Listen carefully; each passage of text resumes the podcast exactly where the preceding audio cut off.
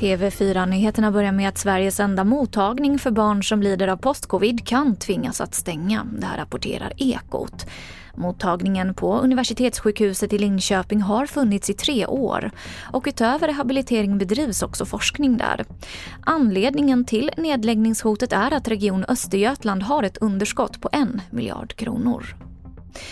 Ukrainas senaste framgångar i motoffensiven mot de ryska trupperna får nu Ryssland att omgruppera till den nordöstra delen av landet. Där befaras nu en ny frontlinje att vara på väg att bildas. Ryssland har en tydlig plan med att nu koncentrera striderna i nordost, enligt överstelöjtnant Johan Hovidan. Den ukrainska sidan verkar än så länge försvara sig väl.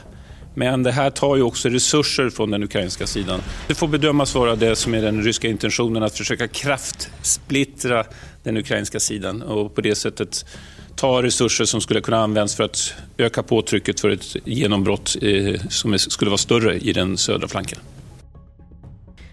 Just nu är rekordmånga bostäder till salu. Det gäller både villor och bostadsrätter. Det här visar siffror från bostadssajterna Booli och Hemnet som SvD Näringsliv rapporterar om. Den som ska sälja sin bostad behöver därför vara beredd att vänta och sänka priset. För köpare finns det därmed chans att göra en bra affär. Och orsaken till det stora utbudet är bland annat det pressade läget på marknaden med lägre priser och höjda räntor. Det var det senaste från TV4 Nyheterna. Jag heter Emily Olsson.